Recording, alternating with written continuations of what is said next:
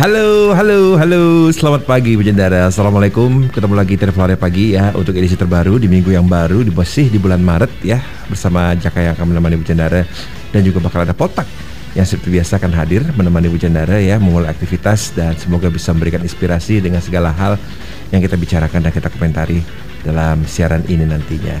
Dan sembari kita menunggu Potak untuk mengeluarkan segala macam perangkat persiarannya ya dari tas yang sudah kehilangan warnanya. Enggak sih memang warnanya gini Oh, kok. gitu ya? Ah. Oh, Warna-warna agak agak kusam gitu kan. oh gitu. Eh. Apakah itu termasuk dalam uh, daftar warna yang hanya dimengerti wanita? Bukan. Saya menyalahkan kaum hippie ya, di mana mereka pakai warna yang bladus itu akhirnya dianggap wow chic ya, oh trendy ya, oh street look ya. Jadi kemarin uh, sempat ngebahas tentang warna lembayung ya. Ah oke, Lembayung itu ternyata memang masuk ke dalam spektrum warna yang hanya dimengerti wanita ya. ya. Lembayung, Tosca, Mm-mm. Nah, saya ngerti. Ah. Oh. Lembayung selalu diasosiasikan dengan suasana senja. senja sehari. Jadi mudah kan? Jadi lembaknya lembayung itu warna kita secara umum kita nyebutnya lembayung Pada maghrib. pada maghrib gelap pak. Eh terkadang kalau misalnya di bulan tertentu pada maghrib masih terang loh. Iya. Kayak sekarang sekarang ini kan. Kayak sekarang sekarang Ah. ini bahkan kita eh, apa jam 6 aja udah terang gitu kan sekarang ini. Jadi lembayung itu bisa apa- kayak oranye menjelang ungu gitu Merah atau jingga. keunguan. Merah jingga kata KBBI. Mm-mm. Ya, dan jingga itu sendiri apa? Ore. Ya. Tambah pusing kan? Oke. Jadi itu itu soal warna. Tapi ngomong soal wanita, Iya, kan bridgingnya ke situ akhirnya kan. Eh. Kenapa? jadi kan eh, orang sering bilang kita harus memuliakan wanita gitu ya. Kalau saya sih realita dulu lah ya saya mulai, sehari-hari. saya mulai jaga jarak nih. Apaan sih saya tidak ngomong agama. Saya mulai jaga jarak nih. Jadi kalau mau memuliakan wanita, ngangkat derajat wanita, kalau realitanya gimana sih? Biasa orang kan kerja gini loh, bangsa kita sering ngomong sesuatu tuh ndak ndak spesifik. Sehingga ujung-ujungnya orang jadi bingung dan ujungnya ha- ha- hal yang diinginkan spesif- eh, secara spesifik itu tidak tercapai gitu loh. Ya, misalnya kamu kalau besar harus jadi jadi anak pintar, berbakti pada negara, orang tua. Eh, contohnya apa? Mengikuti kegiatan dikasih contoh kan? Mengikuti kegiatan kerja bakti. jadi ja- jadi anak baik anak baik itu kayak apa nah makanya kadang-kadang saya respect dengan dengan etnis Tionghoa ya ketika mereka mengajarkan anaknya kamu besar harus kerja punya uang jadi kamu bisa mensejahterakan anak bisa bertanggung jawab sebagai laki-laki bisa belikan istri kamu ini anak kamu ini ini ini, ini. spesifik gitu Atau loh. orang Batak, kamu harus orang sekolah. Batak orang Batak lah nanti lah panjang lah cerita orang Batak ya sebelum saya dilempar dengan sepatu. Oleh para tetua adat. Jadi eh, kadang-kadang orang bilang kita harus memuliakan wanita.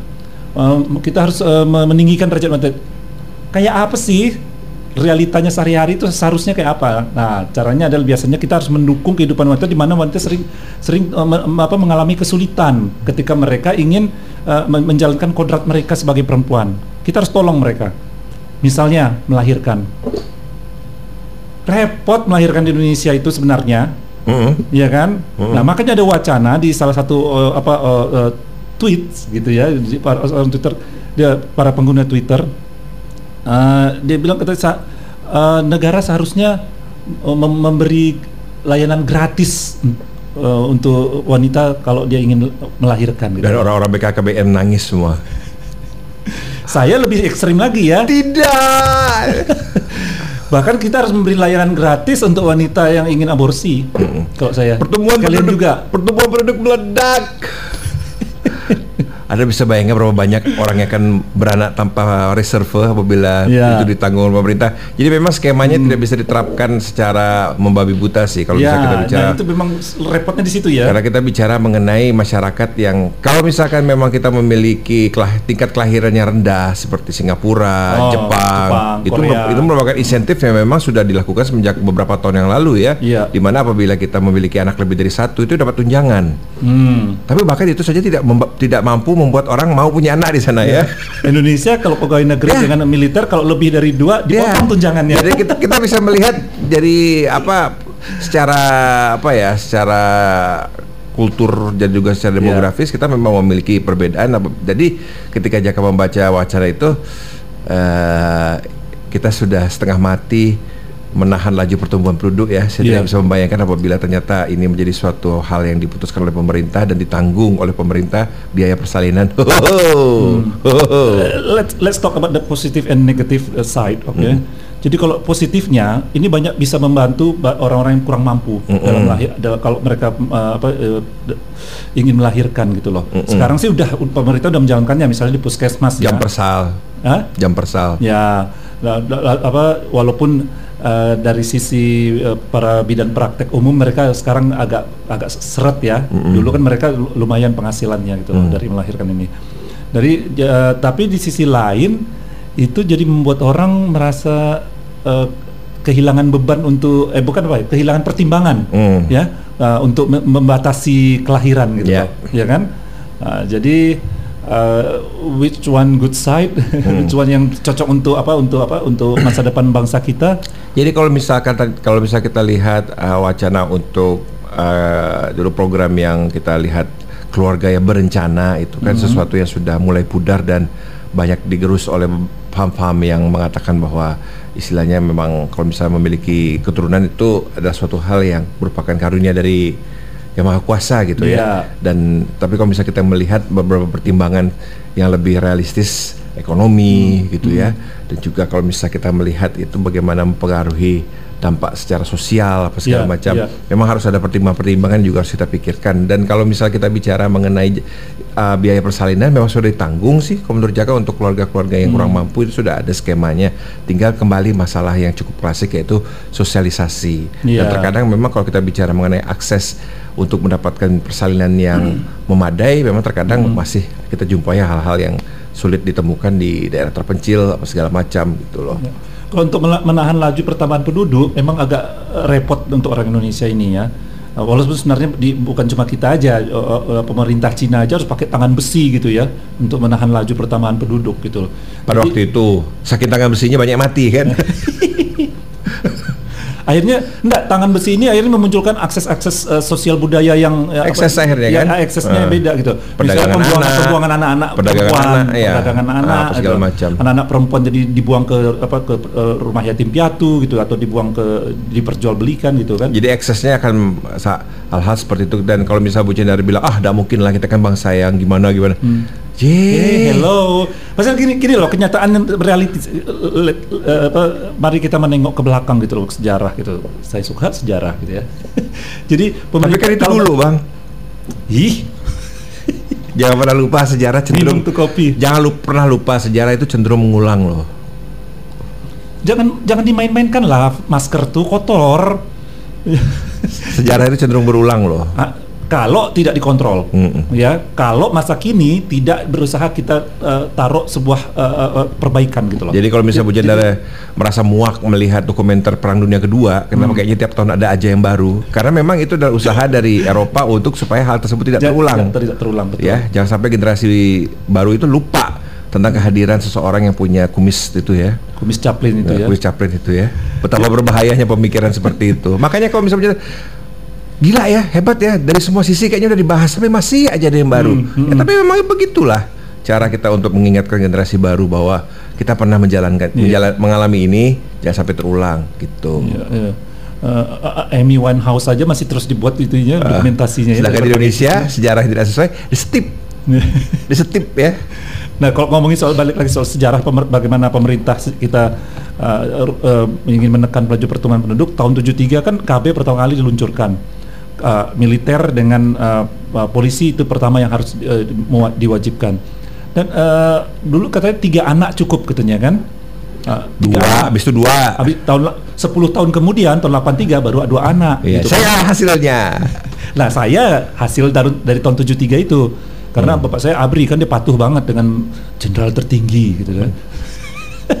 Jadi tapi ada tentara seangkatan ayah saya juga anaknya tujuh gitu loh. Hmm. Jadi orang Indonesia memang balelo ya, bandel gitu ya, nggak nggak ngaruh gitu loh apa yang disuruh oleh pemerintah gitu. Dan bi- biarpun udah di realita udah ditunjukkan bahwa biaya tuh tiap tahun tuh naik eh, tiap tahun itu naik 7 persen. Dua hal yang selalu naik 7 persen itu eh, pendidikan Uh, eh ti- tiga pendidikan kesehatan dan makanan so naik 7% sekitar 7% gitu loh nah, artinya itu, itu kan uh, generasi anak kita nanti kan terus bertambah gitu loh Sama itu harga tanah makam. tanah dan makan Tanah makam. saya kan di TPU bang nanti gitu kan pinggir-pinggir ya dekat parit jalan tuh gitu Tadi dikubur tegak baru tahu. Nah tahun 83 pemerintah buat lagi eh, program versi baru lengkap dengan meluncurkan BKKBN gitu ya. Uh, uh, uh, uh, dua anak cukup. Langsung eh, setelah sampai ke mi- masa milenial sekarang eh, kita se- sebenarnya eh, tetap kita pertu- pertumbuhan penduduk itu laju gitu loh. Dan kita tetap akhirnya mengharapkan eh, ledakan penduduk itu apa itu istilahnya? Baby boomer, eh baby boomer. bukan keuntungan geografis kita itu apa? GDP.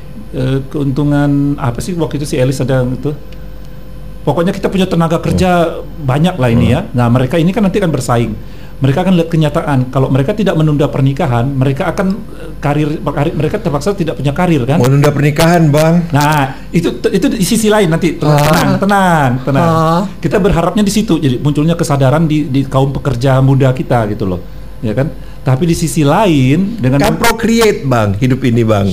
Buat apa lagi kalau bukan untuk beranak, Bang? untuk apa karir itu cemerlang? hak Tidak- asasi dan naluri bang gitu ya itu. Untuk apa punya karir cemerlang kalau tidak punya keturunan? Injak-injak itu ya.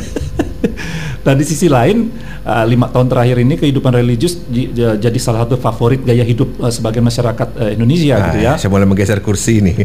Eh, jangan menjauh, dekat, Iya, dekat. Beda beda feedback. Astaga, Anda tidak mau jatuh ke parit sama-sama dengan saya kan? Nah di sisi lain saya juga ya, yang eh, saya tidak menyesalkan, saya tidak bilang prihatin. Ada sekelompok orang yang menyarankan untuk kawin muda, langsung apa katanya, langsung anggapan-anggapan bahwa eh, punya anak itu pasti ada rezekinya, bah, gitu kan? Nah gitu, tidak mungkin anak tuh lahir ke dunia tanpa diikuti rezeki. Eh tapi yang cari rezekinya siapa, gitu kan? Memang anak itu, enggak kan? Orang tuanya kan? Bertuanya. mertuanya.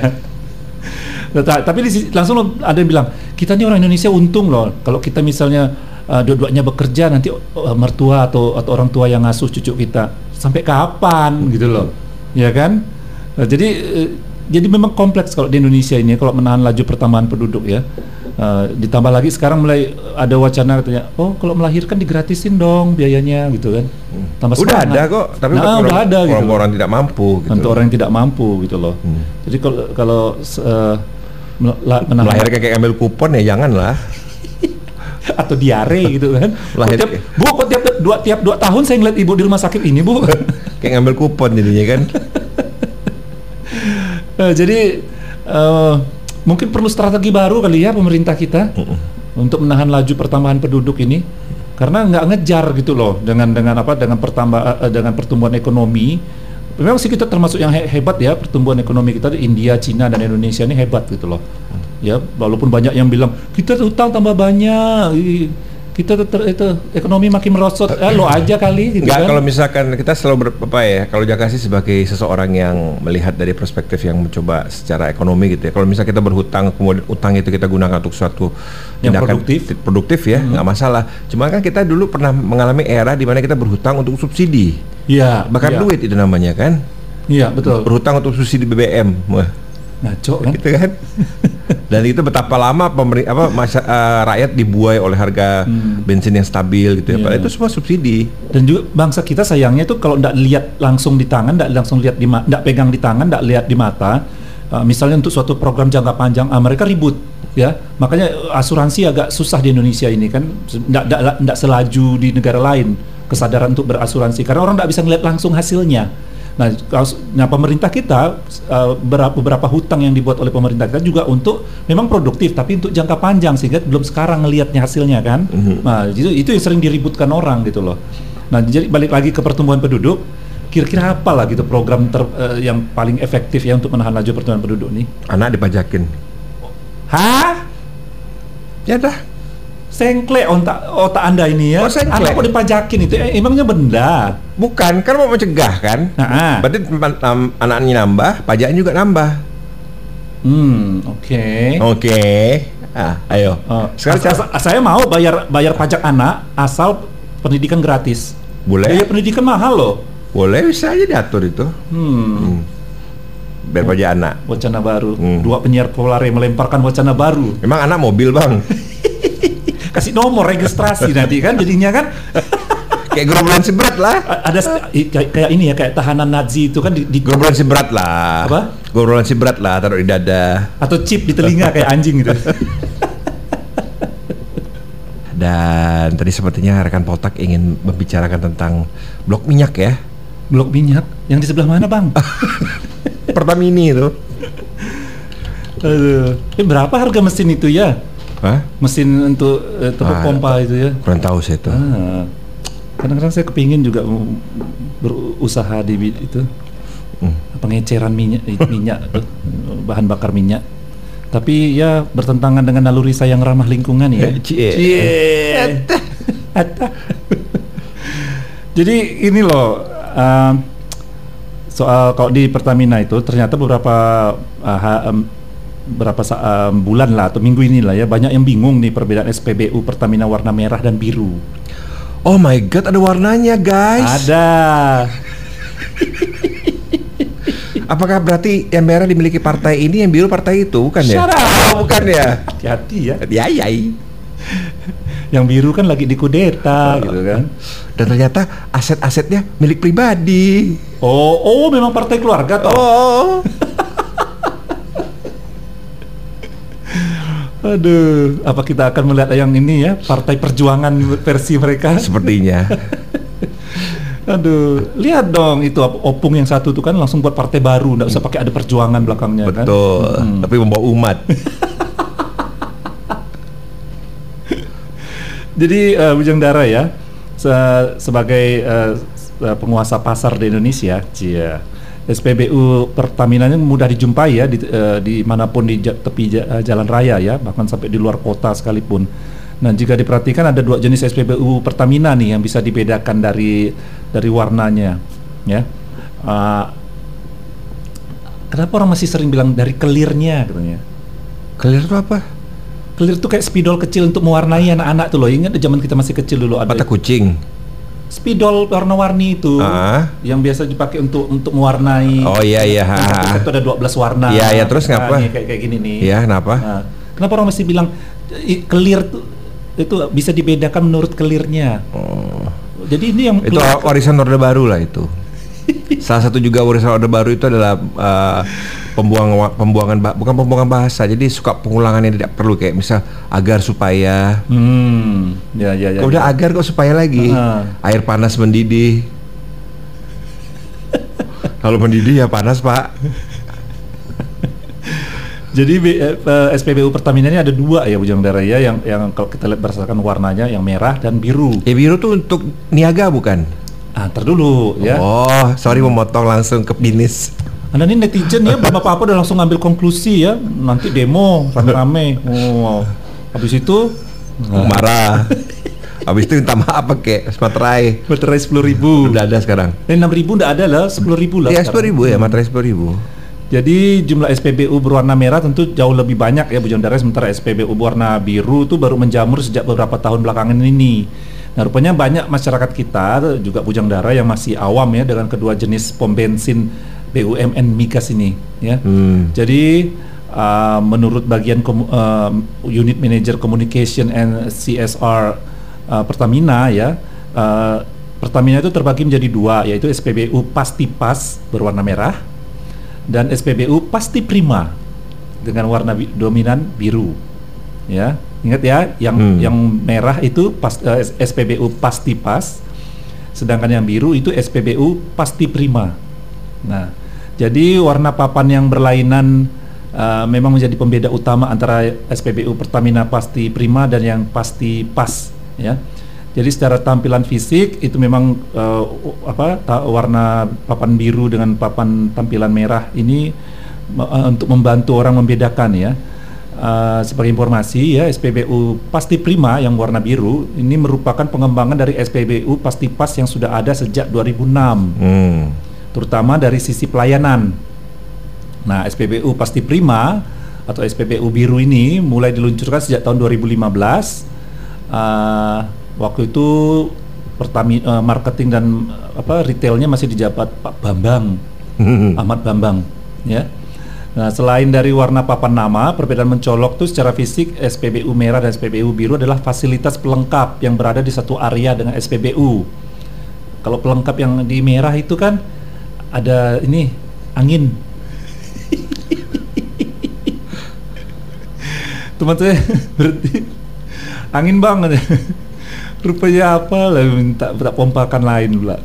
Jadi beberapa fasilitas penunjang SPBU pasti pas ya yang warna merah dengan warna merah itu biasanya merupakan fasilitas standar seperti toilet, tempat ibadah, isi angin dan terkadang minimarket di beberapa SPBU tergantung dari peng, uh, kebijakan pengelolanya ya. Hmm. Nah, sementara untuk SPBU pasti prima dengan warna biru biasanya sudah pasti memiliki fasilitas yang dimiliki SPBU pasti pas.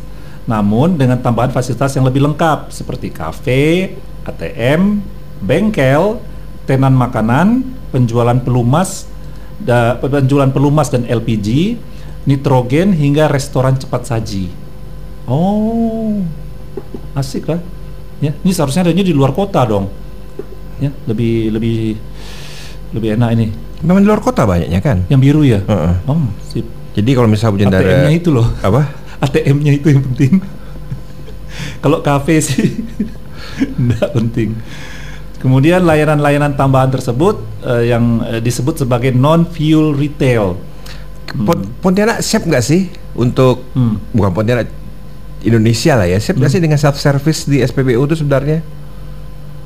Kenapa banyak yang licik? Bukan soal licik, malas bergerak gitu loh. Ah, Ya kan lebih cenderung ke malas bergerak aja. Ya. Licik kan nggak bisa kan di set dari dalam kotak.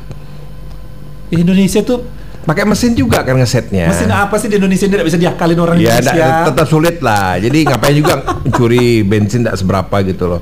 Cuma malas bergeraknya itu loh. Iya, iya. Saya sering kali ngeliat orang yang apa ya, yang pengendara mobil terutama tidak mau keluar dari mobilnya gitu ya. Karena memang buat apa? Hmm. Bukain itu. Itu sih zaman dulu pak, ada kuncinya dulu kan. Ya makanya jadi istilahnya eh, Iya ya kan karena kalau misalkan karena itu akan otomatis perlu penyesuaian desain ya dari SPBU itu sendiri supaya tidak menyebabkan kemacetan dan juga akhirnya semua pompa bisa dipakai kan. Satu kak agak agak bingung kok bisa pompa banyak tapi dipakai di sini ya. Iya itulah, saya pun heran gitu loh. Karena petugasnya yang kurang. Iya, jadi kalau self service kan nah gitu. Iya. Mungkin ya udah bisa kita coba sa- satu-satu sih. Hmm. Misalnya untuk yang menggunakan kartu kredit misalnya, Hmm. self service sendiri. Bang mesinnya nak nyala bang. Gangguan bang, ah kesal. Dan tetap saja ibu-ibu akan teriak-teriak, "Nih tolong Bang, tolong, tolong Bang." Nah, itu ibu-ibu ya. Kok ibu-ibu sih ditembak. Nah, jadi uh, layanan-layanan tambahan tadi ya disebut sebagai non fuel retail ya, baik di SPBU yang dikelola dan dimiliki swasta maupun milik Pertamina sendiri lewat PT Pertamina Retail ya. Nah, pasti prima yang warna biru ini memang memposisikan sebagai SPBU lifestyle ya yang siap memenuhi kebutuhan konsumen saat berada di jalan. Bentar lagi akan ada kios ini ya, kios eh, pakaian muslim nanti. mbak, mbak setelah ngisi bensin mampir mbak. Jadi eh, Pertamina eh, melihat ya standar pasti prima ini lahir karena gaya hidup masyarakat yang menginginkan SPBU sebagai one stop service. Ya, Mm, ya benar juga sih sebenarnya ya. Apalagi kalau di luar kota kan. Nah perbedaan secara fisik lainnya adalah pada warna dispenser. Hmm. Hmm. Pada SPBU pasti pas ya yang warna merah biasanya nozzle berwarna hitam dan pada bagian bawah hitam pada bagi, hitam pada bagian bawah sementara SPBU pasti prima yang warna eh, warna biru itu eh, nozzle-nya berwarna hijau. Nah, selain itu eh, selain itu berbeda dengan SPBU eh, eh, pasti pas yang warna merahnya digunakan sebagai warna seragam operator dan tiang pilar. SPBU pasti prima mengkombinasikan warna merah dan abu-abu. Hmm. Hmm, jadi bujang darah itu ada itu perbedaan ya. SPBU pasti pas dan pasti prima. Pasti pas itu warna merah, fasilitasnya tidak sebanyak yang biru. Sedangkan pasti prima itu yang warna biru eh, itu sebagai one stop service ya. Eh, li- wah, wah, ya betul. Nah jadi tidak perlu bingung lagi ya lebih as tapi sebenarnya sama aja sih produk-produk eh, untuk produk-produk layanannya ya kalau untuk bensinnya apa semuanya kan oke dan sekarang katanya turun nih pertalite harganya Hmm? benarkah Pertalite harganya. Saya nggak pernah matikan harga bang, saya ngisi-ngisi ya bang. Hmm. Tapi yang saya isi pertalite lah, Iya. Tapi kenapa orang masih ngisi bensin gitu ya? premium. Premium. Nggak tahu lah bang, mental bang, susah gak bang? Padahal sudah banyak sekali penelitian dan analisis yang menyatakan bahwa pertalite itu lebih aman buat Iya, mesin ya. Mesin motor betul. Hmm, apalagi Pertamax gitu juga. Cuman ya nggak tahu lah bang, kebiasaan kali. Dan saya tidak bisa memahami orang milih ngantri Ke- Memilih, memilih ngantri untuk beli premium, premium. daripada beli pertalite gitu loh. Sebenarnya siapa sih mengkonsumsi premium itu ditu- ditujukan untuk siapa? Kendaraan sebenarnya? umum, Kendaraan umum. Mm. Oh. kendaraan umum, kendaraan niaga. Heeh. Nah, misalkan yang biasa bawa-bawa mobil box isi-isi furnitur Iya. atau mungkin bercandara bawa motor mau bersihkan AC gitu. Nah, gitulah. Itu Iya. common sense, Mbak. Heeh. Semua itu common sense. Jadi kalau misalnya tanya siapa yang boleh pakai premium? Punya akal kan? Logika aja dong. Iya, iya, Ah, iya. Anda kendaraan niaga apa bukan? Hmm. Dan ketika kita sudah mengen- mengendarai sebuah mobil yang ya boleh dibilang keluaran terbaru Hmm. Dan punya pemutar CD player atau MP3 playernya dan masih ngantri di premium. Iya. Kok ngantri sana bang? Oh, loh, ini motor warung bang. Jadi itu, itu memang tidak bisa di-enforce tanpa ada sebuah kesadaran dari masyarakat sih. Iya. Selagi masyarakat kita tidak memiliki kesadaran ya susah. Iya.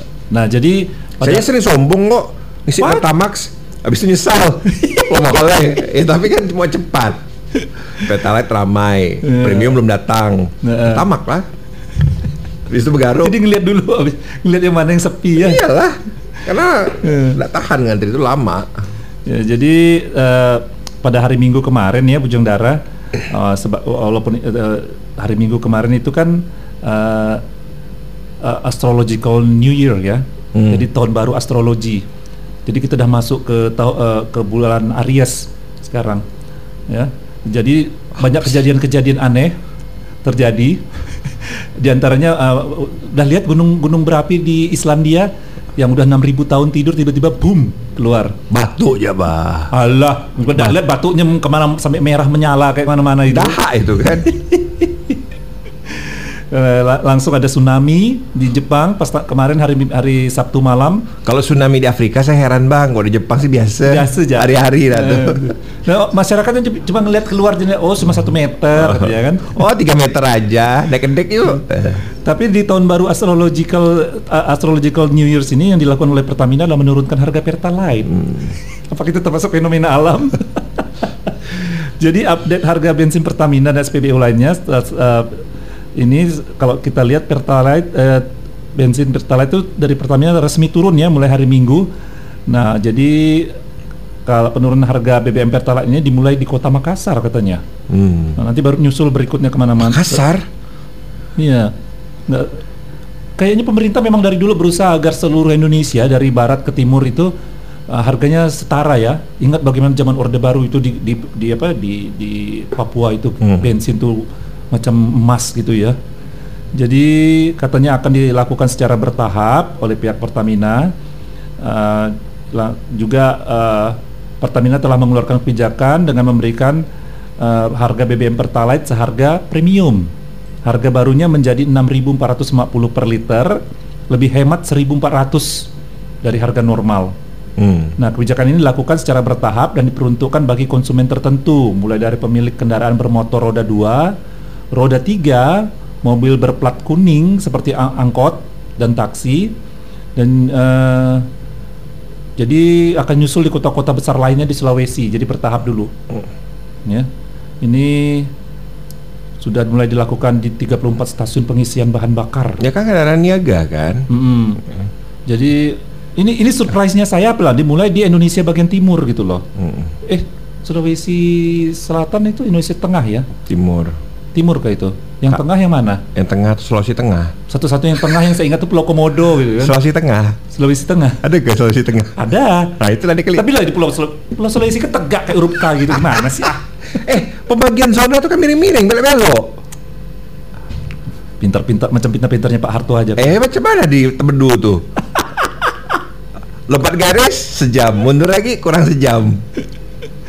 jadi jadi katanya penyesuaian harga ini memang dilakukan secara berkala ya uh, dari waktu ke waktu memperhatikan kondisi pasar dan kinerja perusahaan. Jadi Bujang Daerah memang kita harus rajin memantau harga bensin ya. Hmm. Jangan uh, istilah orang sini bilang terkejut-kejut seorang gitu kan.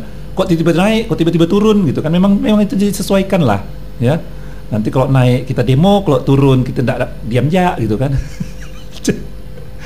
Jadi beberapanya uh, bahkan yang swasta juga sudah mulai menurunkannya ya beberapa perusahaan swasta menurunkan harga uh, layanan bensin yang mereka berikan pelayanan. Uh, Oke okay, itu juga sih berita sedikit dari Pertamina. Jadi bensin perta harga BBM Jawa dan Bali. Enggak usah lah itu udah bisa dilihat di nanti di websitenya hmm. Pertamina ya rajin-rajin lah buka. Oke itu dia sedikit informasi dari sah sahabat kita Pertamina. Iya. Yeah. Jadi, apakah Poltak akan menyaksikan pertandingan antara Dewa Kipas dan Irin Sukandar hari ini? saya tidak mau munafik ya. Saya tidak mau, mau saya tidak akan semunafik pejabat-pejabat Orde Baru ketika kita baru mendapat uh, medali perak Olimpiade uh, apa? Seoul Seoul itu kan ya. Begitu langsung pas ada pertandingan nasional memanah beberapa, beberapa bulan berikutnya ramai semuanya. Padahal mereka ke, nampak dengan muka bosan gitu ya cuma pakai kacamata hitam itu sibuk ngobrol tidak peduli apa hmm. yang dipanah gitu kan. Ya, jadi saya tidak semunafik itulah. Uh, uh, saya tidak suka olahraga yang terlalu lama menunggu. Olahraga? Permainan? Anda udah ngeliat berapa energi yang diperlukan untuk bertanding catur? Tapi, tapi tidak ada risiko uh, risiko kan? Risiko apa tadi? Yang kemarin Volta bilang tuh? Risiko cedera. Ah. Ada kan? Jadi bukan bukan olahraga itu, permainan. What? Oke, otak otak sains dengan not, dengan otak ini ya. dengan otak Oke, saya melihatnya dari sains gitu loh. Jadi uh, amount of energy yang dipakai itu luar biasa loh. Kan otak kan organ tubuh yang paling banyak menghabiskan energi. Iya memang. Nah, terus jadi begitu kita kalau uh, energi yang dipakai di pertandingan catur itu sama dengan orang berlari maraton sebenarnya. Tapi berapa, Anda tahu kan berapa banyak otak udang di olahraga football kan? American football. Iya, American okay. football. Berapa banyak otak udang di situ? Oh, luar biasa. Asal tabrak ya kan? Iya. Dan habis itu mereka dapat beasiswa supaya cepat lulus eh. gitu kan. Wow. Tapi Jaka pengen nonton demi melihat komentar netizen. Nonton apa? Komentar pertandingan. Catur, iya. Oh, oke. Okay. Saya mau nonton komen kolom komennya. Mm -hmm pertandingan ini sih saya tidak peduli kolom komennya nih loh. Nggak, uh, kalau komen akan banyak akan banyak kutipan-kutipan emas yang muncul yeah. nanti. Komen yang lucu sih memang menghibur, tapi uh, komen yang bodoh tuh mengganggu otak saya. Jadi males saya -kadang. Ah, tidak ada lebih lucu daripada kebodohan orang loh. Kita bisa tertawa. Anda bisa menikmati bisa. kebodohan orang ya. Saya, saya enggak, saya merasa terganggu tuh. Bisa lah. To a, to a certain degree. gitu. To a certain degree lah. Oh ya. Karena kita bisa tahu kebodohan paripurna yang memang tidak bisa ditolong sama kebodohan ketika dia misinformasi. Beda ah, loh. Iya, Beda iya, loh. Iya, iya. Ya. Kalau kebodohan sudah sifatnya paripurna ya kita bisa tertawakan. Tapi kalau misalnya kebodohan karena mereka mendapatkan informasi yang salah nah, atau mereka menyimpulkan kurang baca, menyimak, itu sesuatu hmm. yang berbeda. Memang agak annoying yang ini nih. Ya, betul. Kalau yang paripurna ini lucu ya kadang dia menghujat tentang segala sesuatu dan membawa konteks agama tapi yeah. sekali kita cek apa list daftar likes atau following dia tuh hmm. dia apa mengikuti akun-akun pornografi kan lucu gitu. Iya. Oke, okay, kita apa, apa ini mau kita bicarakan yang ketiga. Tadi kan sempat kita bicarakan perlunya strategi baru untuk menahan laju pertambahan penduduk kan. Ya. Ya. tiga atau paling tidak tiga lima dua bagus itu. Langsung majakin anak gitu, anak ada pajak anak gitu. Jadi uh, sekarang mungkin kalau saya pikir juga kita perlu formulasi baru nih untuk soal kalau kalau kita bicara soal masyarakat, politik dan agama. Eh, jangan menjauh. Langsung mental badan. Jadi gini loh, uh, Bujang Dara ya, Menteri Agama kita Yakut Kolil uh, Kumas, Komas, Komas, Kumas, Gus Kolil ya. Yalah Gus Gus Kolil ya, gitu ya. Lebih gampang kan? Mm, ada habis ada huruf Q-nya sih iya, sampai, Gus, sampai dua. Gus Kolil aja. Orang mana ya orang Indonesia mana yang namanya pakai huruf Q dua buah? Jawa gitu Timur. orang Jawa Timur. Iya. Aduh, pasti mas kawinnya pakai sapi nih. Yeah. Aduh. Saya salut loh dengan anaknya anaknya Gus Dur itu.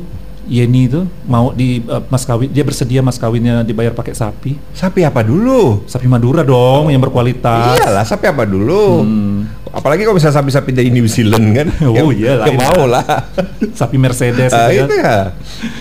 Jadi Uh, Gus Kolil, nih, uh, Menteri Agama kita ini barusan menyebutkan bahwa intoleransi masyarakat meningkat ketika ada ada gelaran kontes uh, kontestasi politik. Saya semakin menjaga jarak. Apa ini? Syar- Nah, arahnya, dulu. arahnya ke mana ini? Lihat dulu.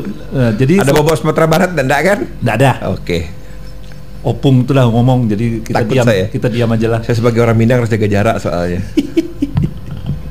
Walaupun tidak ikut kumpul-kumpulnya kan, tapi bahaya boy. Udah ada loh yang buat ini lambang negara Minang Merdeka. Bukan daerah istimewa kali. Daerah istimewa, sorry. Ah. merdeka, merdeka mau makan dari mana? Aduh. Udah kita lanjutkan dulu. Selain itu ya menurut Gus Kolil radikalisme itu cenderung mengalami eskalasi. Nah, tingkat intoleransi itu meningkat ketika ketemu dengan momentum politik. Oh iya dong. Indonesia banget ya. Dan Dan dunia ketiga banget ya. Dan dunia politik di Indonesia itu bisa terus di- dijaga apinya kayak disekam gitu ya. Ini kayak tukang sate ngipas iya, jadi gitu sekarang ya. kalau misalnya kita- dulu dulu ya eh, sekitar 15 atau 20 tahun yang lalu eh, suasana mulai panas itu biasanya Hamin 365 lah. Hmm. Sama aja setahun. Setahun, tapi sekarang ini nggak ada henti-hentinya loh. Iya, iya. Nggak ada jedanya. Heeh. Karena sekarang ini kan dulu Nah. kita hanya meributkan pilpres. Iya, iya, Kalau iya. sekarang tuh enggak. Dulu malah, malah pilkada ya. Semua sekarang. Zamannya Ahok itu. Hmm. Mau pilgub kah, mau pilwakot kah, mau pilpres apa lagi semuanya panas gitu ya. Iya, agama jadi bahan gorengan ya. Kasihan ya. Saya mau pengen minta sound effect jangkrik ketika Ada kan kita enggak kan? Oh ya duit ya kita duit jatuh. Jadi menurut Gus Kolil, Menteri Agama kita, tingkat intoleransi itu meningkat ketika ketemu dengan momentum politik. Ada momentum politik ketem- eh, eh, ketemu, kemudian meningkatkan sikap intoleran atau radikalisme. Ini menurut eh, Menteri Agama kita dalam rilis survei indikator politik Indonesia yang digelar eh, secara daring ya eh, kemarin ya. Wow, pas tahun baru. Eh, ya eh, Gus Kolil mengatakan tiap kali kontestasi politik digelar, politis- politisasi terhadap agama menjadi marak. Ya, ia saya kesal dengan orang-orang yang menjadikan agama sebagai gorengan politik tuh kurang kerjaan saya bilang. Jadi be-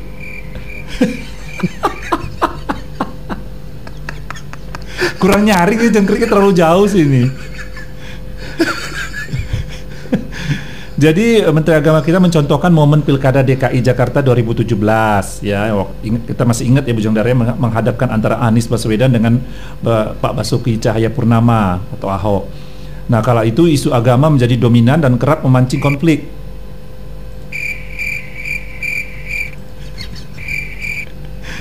Jadi kecenderungan yang sama juga terulang kembali di Pilpres 2019. Ya. Hal yang berkaitan dengan isu agama kembali mewarnai persaingan Joko Widodo dengan Prabowo Subianto saat itu. Oh, oke. Krik-krik lagi, enggak?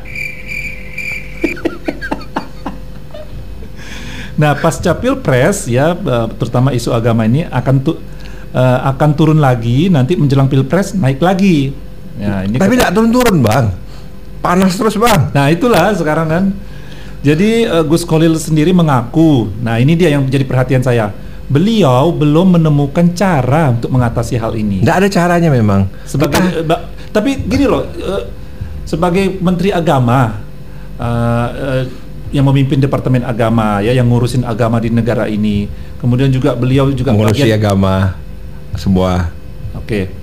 Jadi dan beliau juga menjadi bagian dari uh, umat umat terbesar uh, umat beragama terbesar Gini di, loh. di, di bentar, bentar, bentar dulu tak bisa, tak bisa. Oh. di, di negara ini beliau tuh merasa bertanggung jawab gitu loh. Jadi wajar kalau dia merasa perlu untuk mencari formulasi baru atau cara baru ya untuk mengatasi uh, uh, mengendalikan uh, setiap kali ada pilka- uh, pemilu pilkada gitu selalu eskalasi intoleransi uh, i- apa politisasi agama dan radikalisme selalu naik gitu loh. Jadi kita hargailah dan mungkin ada perlu juga kita dukung gitu dan kita bantu gitu. Kalau saya sih, kalau misal mau menjadi devil advocate ya, Hmm. kalau mau bisa menjadi teman setan sekarang sih, saya bakal berkata pada Pak Menteri, Pak Menteri lebih baik ngurusin yang lain aja deh. Netizen, Misalnya netizen tidak bisa diselamatkan. jemaah haji aja gitu yang diurus. Enggak, Udah, udah itu loh. Oh, SKB tiga menteri itu. Iya, bagaimana akhirnya? Jadi daripada bicara karena tidak ada cara yang solusi yang bisa solusi tepat tanpa menjadi otoriter untuk mengatasi masalah ini. Tidak ada solusinya. Satu-satunya solusi ya putusin internet. Iya. Apalagi kita ini kan eh, istilahnya ma- masih masih bayi ya kalau soal kita keterbukaan demokrasi ya demokrasi secara terbuka kita ini kan kita Jadi ini bayi yang lagi ya, tapi sok-sokan main pisau. kalau ibu saya pakai istilah ibu saya kita ini seperti baru kuda kuda liar baru lepas tali di Sumbawa gitu. jadi masih nendang-nendang masih lari-lari keliling ke mana-mana gitu kalau kalau soal keterbukaan nunggu tenang dulu tapi tenangnya kapan Tidak ada nggak tahu. tenangnya sekarang. Ah, malah saya pikir kita, Ini kita seperti kuda liar yang lari di atas ladangnya terbakar. Ah, jadi salah satunya cara adalah jeratkan le- tari eh, le- tali ke lehernya, baru kita tarik, kita tuntun keluar dari ladang terbakar ini, gitu kan? Ya berarti kan itu putusin Otoriter. Ya otoriter, Ah, nggak bisa. harus, Jadi ya. makanya jangan bilang lebih baik energi dari instansi dan juga dinas-dinas ini lebih baik diarahkan kepada hal-hal yang memang bisa ditangani gitu loh. Hmm. Karena kalau kita bicara mengenai penanganan masalah ini itu kompleks loh, kompleks dan akhirnya solusinya otoriter seperti yang di, sekarang dilakukan oleh uh, Polri ya, ada polisi cyber apa segala macam. Apakah itu menyelesaikan masalah? Jadi olok-olok kan? Hmm. Malah jadi olok-olok. Tapi banyak juga manfaatnya kan? manfaat tapi manfaatnya kan karena kita melihat itu akhirnya kan ujung-ujungnya kan kritik terhadap penguasa tidak diperbolehkan Hmm. Oke. akhirnya bicara itu kan bukan kritik kan tapi caci maki ah ke sana lagi kan Hmm. susah bang susah lebih baik kita berpikir aja lah gimana cabai ini supaya impor atau misalkan garam jangan impor beras jangan impor lebih Hmm. energi kita dialihkan ke sana lah Iya.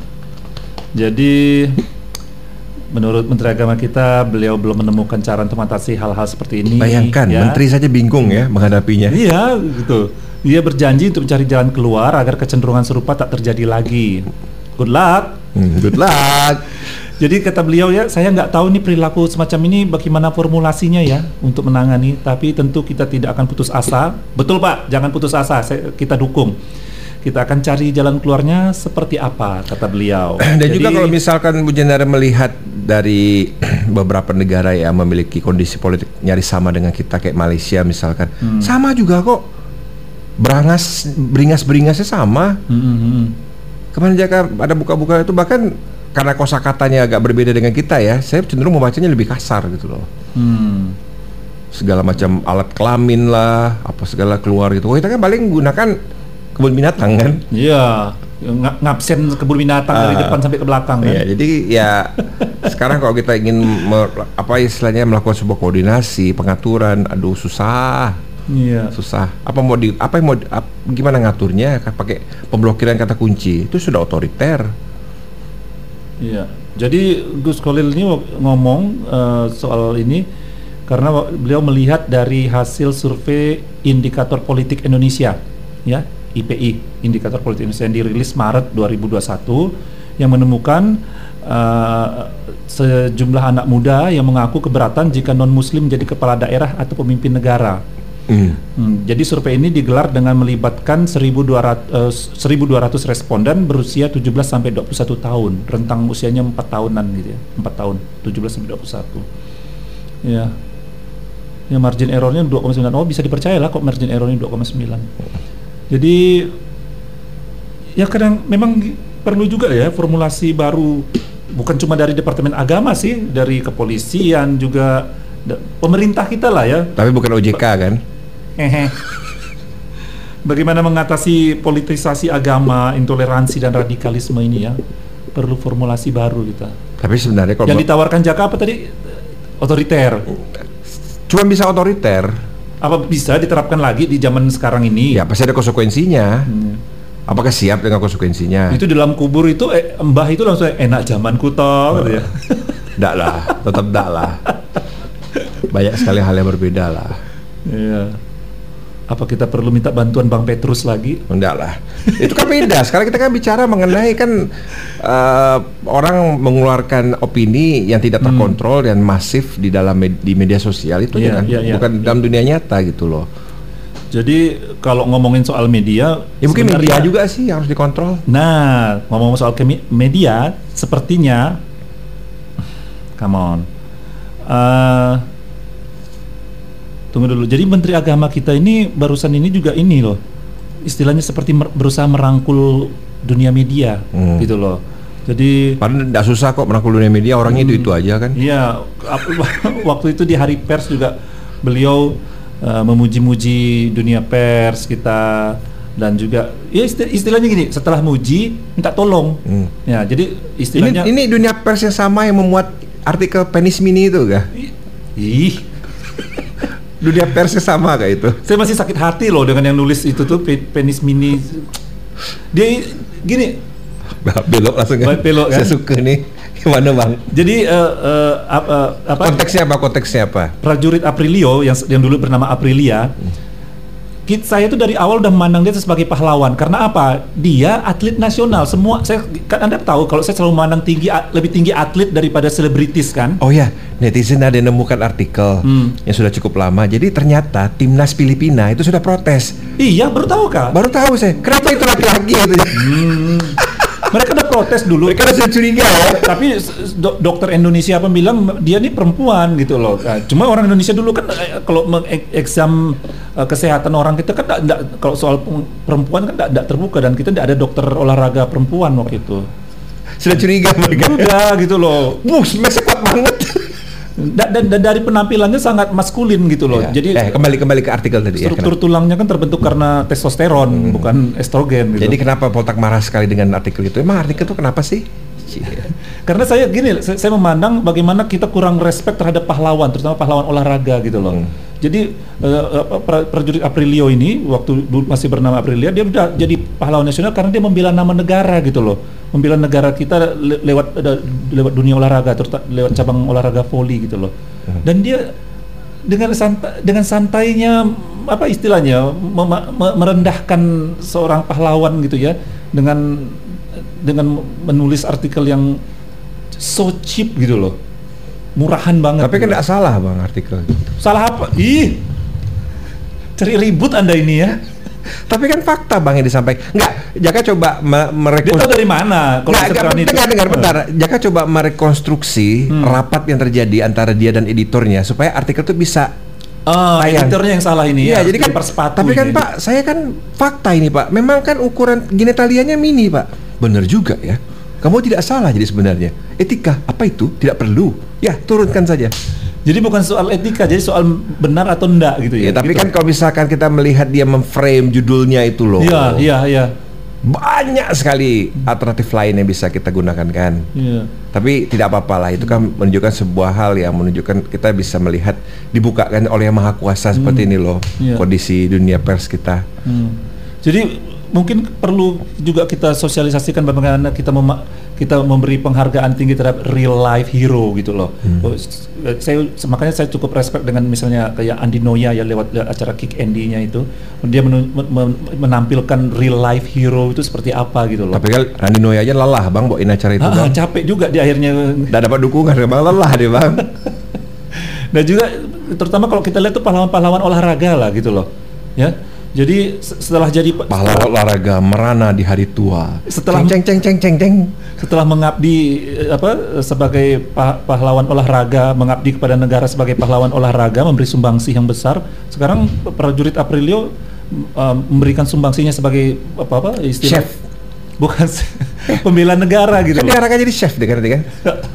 Itu urusan nanti. Eh. Tapi pokoknya kalau Anda ber- di, di militer artinya Anda mengorbankan eh, mem- mem- menyiapkan hidup Anda untuk membela negara gitu. Kecuali oknum. kecuali oknum ya. Iya. Nah, itulah. Jadi come on gitu loh. Pers ini pers kita. Jadi balik lagi lah ke Gus Kolil gitu. Kesel saya. Kesel saya keluar. Jadi Menteri Agama kita sendiri udah tahu gitu sebenarnya yang suka suka apa eh, meningkatkan atau menggoreng sehingga meningkatkan eskalasi eh, politisasi agama, intoleransi dan radikalisme setiap kali ada eh, kontes- kontestasi politik itu media juga gitu loh. Jadi Ya kita kita ini. Shut up. jadi jadi beliau sudah berusaha merangkul pers ya, berdekat dengan pers gitu loh. Ya, kita dukung juga lah mudah-mudahan ini ada hasilnya gitu ya. Apa? Apa Bang hasilnya, Bang? Hasilnya. Hasilnya ini bang bunyi kriket bang. Nggak paling tidak ada satu dua itu deh ya orang-orang yang sepemikiran dengan kita bahwa bahwa kita perlu dukung gitu loh ah, niat baik dan usaha usaha nyata dari Menteri Agama kita ini loh. Ya. Siapa sih tidak mau hidup nyaman beragama di, di Indonesia? Saya sih nyaman-nyaman ya bang, karena saya tidak peduli. I- itu pemikiran kelompok mayoritas ya. Nah, lain dong kelompok minoritas mikirnya gimana? Yo. Oh, ayo, ayo. Ding, ding, Ting, ding, ding, ding, ding, ding, ding, ding. Oke, tuntas sudah kebersamaan kita Bujandara Velare pagi hari ini di minggu yang baru masih di bulan Maret bersama Jaka dan Potak yang sudah menemani Bujandara selama 2 jam kurang lebih ya. Dan kita bakal ketemu lagi besok di jam dan program yang sama tentunya. Iya. Iya. Walaupun sekarang udah banyak yang imunisasi, tapi kita belum tuntas. Vaksinasi. Vaksinasi. Iya. Imunisasi apa, Pak? Imunisasi kan bayi. Oke, va- vaksinasi. Ya, kemarin juga saya sudah mengantarkan mertua saya vaksinasi di rumah sakit PAL ya. Eh, Sudah sudah ngantarkan. Puskesmas sudah. Ya, saya udah ngantarkan ibu saya di apa? Hari Sabtu pagi. Sinopak, Sinopak. sa- Dan kita tetap stay, eh, diminta oleh beliau tetap standby 22 kali 24 jam. Dan seperti ini ya, ngantor, saya tet- ngantor orang Nenek Aji kan? Ya. Yang divaksin 20 orang yang ngantar 40. Ya betul. karena saya, yang saya yang saya keselkan nih eh, apa eh, Facebook ya karena terlalu banyak orang-orang yang sok pintar dan eh, yang apa bergaya ala eh, bergaya pintar membuat orang menjadi ketakutan dengan vaksinasi gitu ya. Jadi memang kalau misalkan orang tua atau misal mertua bujendara punya Facebook, di, di uninstall dulu lah sampai mereka divaksin. Kenapa nih dek ya vaksin apa vaks- Facebook mama nggak bisa dibuka? Iya. Oh lagi gangguan mak. Nah, Facebook udah kita tutup, tiba-tiba tetangga yang yang notabene yang apa eh, government haters ya ber- berceloteh juga. Ah udah. Padahal ASN misalnya dia, ah, hai. Oke, Bujendara ya kita bantu lah program pemerintah untuk melancarkan vaksinasi terhadap mereka yang men- masuk ke dalam golongan prioritas dan tentunya kita mengharapkan bisa berjalan lancar dan akhirnya kita bisa menciptakan herd immunity dan kita bisa kembali ke new normal yang sesungguhnya gitu Iya. loh. Dan tetap tapi untuk selama ini sampai akhir tahun lah minimal ya, tetap jalankan protokol kesehatan 3M ya. Hmm, hmm, hmm. Ya bertugas saya Jaka. Saya Poltak. eh, sampai jumpa besok. Ya, sekian wassalamualaikum. Shape your taste.